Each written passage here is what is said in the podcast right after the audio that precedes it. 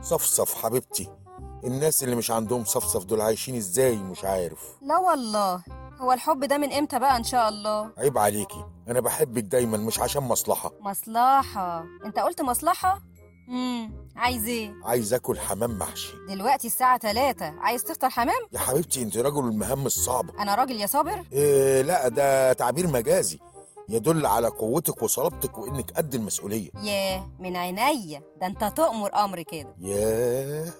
الست الحنانية انا رزق والله انا مش عارف من غيرك كنت عملت ايه ولا اي حاجة قال يعني بتعرف تعمل حاجة انت بتقولي حاجة يا حبيبتي لا وانا اقدر برضو طيب اسيبك بقى تحضري الحمام وانا هدخل اريح شوية طبعا اكيد تعبت من الراحة حسبي الله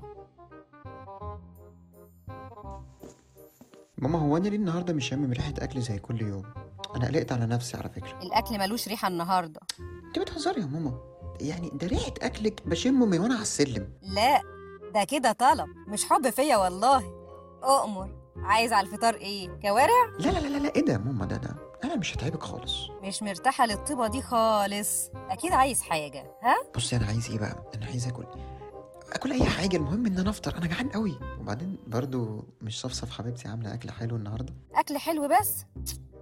ده انا عامله لك احلى اكل النهارده ده من حلاوه الاكل مش هتقدروا تتسحروا يا سلام حبيبتي يا صفصف والله ماما حبيبتي ونور عيني ارحمني يا رب نعم يا فريده انت كمان هي ناقصاك اصلها البلوزه بتاعتي فين بتاعتك انت ها يبقى انا بقى هعرف منين انا مش فاهماكي بصراحه انا كنت حطاها امبارح على الغساله في الحمام اكيد هتلاقيها اتسحبت ورمت روحها في سبت الغسيل بلوزه محترمه ها وعارفه مكانها خدي بالك الكلام عليكي على فكره خليك في حالك انت طب ممكن يا صفصف يا روح قلبي انت تغسليها لي صفصف مين انا اسمي صفصف محدش قال لي والله يا ماما بقى ما بهزرش انت بتستهبلي يا روحي مش بتهزري كده يا صفصف شكرا قوي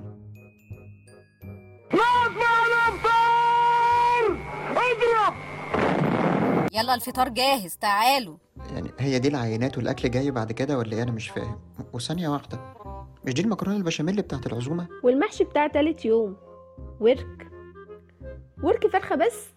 امال فين باقي الفرخه يا ماما ده الحمام اللي من عينيا بواقي الاكل ده احنا لسه في اول الشهر لو مش عاجبكم انا ممكن اشيل حتى البواقي عادي